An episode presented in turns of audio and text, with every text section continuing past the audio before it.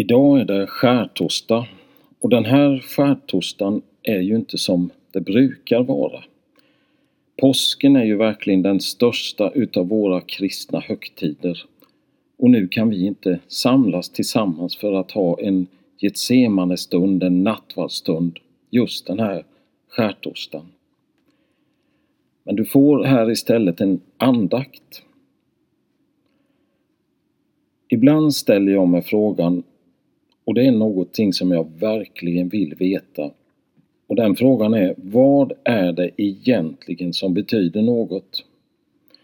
Och då ska det inte vara om religion, det ska inte vara om teologi, utan vad är det som är den viktiga kärnan? Vad är det som betyder något? Man kan vara uppväxt i kyrkan, kanske läst teologi, man kan språket och olika tolkningar. Men det kan kännas som om det inte stämmer, att det inte stämmer här inne i mitt hjärta. Och då är min fråga, vad är det som verkligen betyder något? Vad är det som räknas? Att man börjar strunta i allt det här som är runt omkring och istället ser till kärnan. Vad är det som betyder något? Är det den 23 salmen om den gode heden? Är det att jag får be? Är det den gyllene regeln? Vad är det som verkligen betyder något? Och vad är det som betyder något i din bibel som säkert har 2000 sidor? Vad är det som är väsentligt bland allt som man ska och inte ska göra, allt man borde och inte borde göra? Vad är det som är oumbärligt? Om man tittar i gamla testamentet eller nya testamentet, är det nåden eller är det dopet? Är det Johannes 3 och 16? Vad är det som verkligen betyder något? Och visst kan man åka på stora konferenser, höra inspirerade, kända talare som säger det där med de där rätta orden som gäller just nu. Och man kan lyssna på stora lovsångskörer. Och visst är det fint, men vad är det som är kärnan? Ibland så får jag svar när jag ställer de här frågorna som känns gamla och lite malplacerade.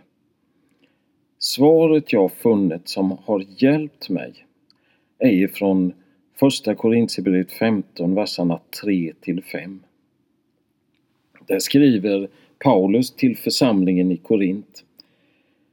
Jag förde vidare till er det allra viktigaste. Hörde ni? Det allra viktigaste. Och så fortsätter han. Vad jag själv har tagit emot, att Kristus dog för våra synder enligt skrifterna, att han blev begravd, att han uppstod på tredje dagen enligt skrifterna och att han visade sig för Kefas och sedan för de tolv. Där finns det. Det är nästan för enkelt. Jesus blev dödad, begravd och uppstod. Är du förvånad? Ja, det som betyder något, det är korset, varken mer eller mindre. Det är korset. Här vilar hela historiens tidslinje. Här finns hoppet för alla som tvivlar, lider, fruktar, alla som är sökare. Och enligt Paulus är det alltså korset som räknas. En bit trä, kan det vara så? Om man tittar till historien så har man avgudat korset eller föraktat det. Man har förgyllt det med guld eller bränt upp det, burit det som ett viktigt smycke eller slängt bort det. Jag tror att man gjort allt med detta kors utan just ignorerat det, struntat i det. Faktum är att det enda som korset inte erbjuder, det är att jag ignorerar det. Och det är hela evangeliets kärna. Paulus slutsats den är vettig. Och om berättelsen är sann så är detta historiens springande punkt. Om det inte är så, så är det historiens största spratt eller skämt. Men korset är något som verkligen betyder något. Men hallå, tänker du, korset är ju inget nytt för mig. Du har sett det och burit det. Du har kanske tänkt på det och läst om det. Du har många böcker hemma som handlar om korset. Du har kanske till och med bett till det. Men då är min fråga, känner du det? Att acceptera eller förkasta Jesus Kristus utan en noggrann granskning av korset, av påsken. Det är som, som ja, jag läste i en bok om en man, han skrev så här. Att vara religiös utan att känna till korset är som att äga en Mercedes utan någon motor. Snygg förpackning, men var är kapaciteten? Ja, påskhelgen är verkligen något som betyder. De här tre dagarna, torsdag, fredag och söndag, uppenbarar, visar på olika aspekter av det här mysteriet som påsken är. Och det är tre platser och tre olika mysterier. Golgata, där Jesus blev avrättad. Graven, där han blev lagd. Och nattvarden. Det är korset och den tomma graven. Idag är det skärtorsdag. Den har fått sin namn från verbet skära, ett gammalt svenskt ord som betyder rena. Det är avskedsmåltiden som Jesus hade tillsammans med sina lärjungar som vi firar idag. Och när Jesus inför måltiden tvättar sina lärjungars fötter, ja trots att Petrus han protesterade högljutt, då vänder han upp och ner på många perspektiv. Gud har stigit ner för att tjäna, inte för att härska. Och den här radikala handlingen är ett grundmönster för kristet lärjungaskap. Vi tjänar Gud genom att betjäna våra medmänniskor. Och det är här det skär sig för många. Här ska jag vara den andres tjänare och frågan ställs då, är det ledarskap att tjäna andra? Att inte synas, att inte vara, att inte höras jämt. Det som sker den här kvällen har en mycket personlig rum, innebörd. Det rum som Jesus ville äta i tillsammans med oss, det finns djupast sett i vårt inre. Vårt hjärta är den här övre salen. Och Jesus sa till sina lärjungar Gå in i staden. Var är staden där jag kan äta påskmåltiden med mina lärjungar? Det gällde inte bara det där unika tillfället. Den frågan riktas till oss idag och vid varje påsk.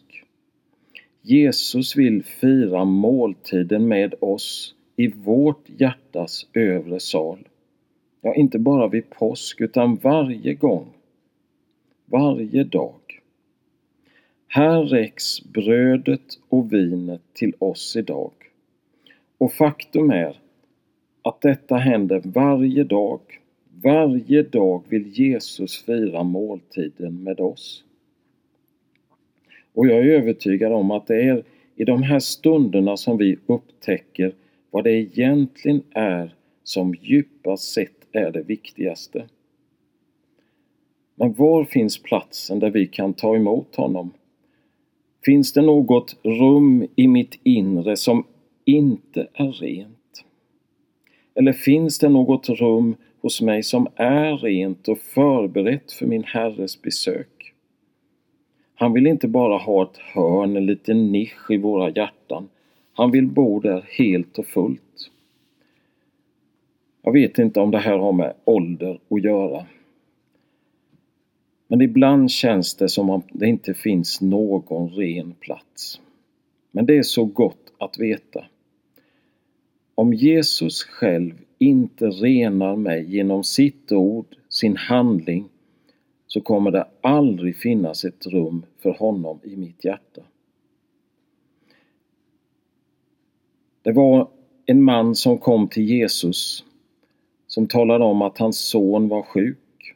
Och Jesus sa att jag kan komma hem till dig, men Jesus sa Herre, jag är inte värdig att du går in under mitt tak. Men säg bara ett ord så blir pojken frisk.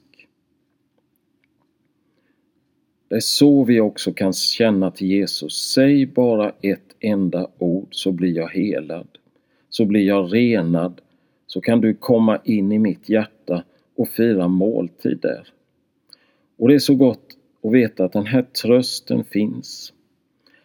Den där stora trösten som härdar ut mitt i livets smärta, när det är torka och hetta, när vi oroar oss för allt vad vi hör på nyheter och radio nu med coronasmittan och allt vad som händer under, i världen.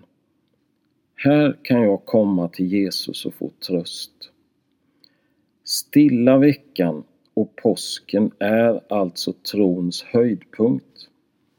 Vi måste vända våra öron för att lyssna till Guds tilltal. Men det finns hela tiden så många ord och så många ljud och så många budskap som öses över oss. Det är därför det ibland kostar på att lyssna efter hans röst. Men ta dig tid den här påsken att lyssna efter Jesus. Ska vi be tillsammans? Tack Jesus för att du kommer till oss och undrar, kan jag hålla måltid hos dig? Jesus, vi behöver verkligen öppna oss för dig, för att du renar oss, för att vi ska hitta det som är det allra viktigaste i våra liv. Amen.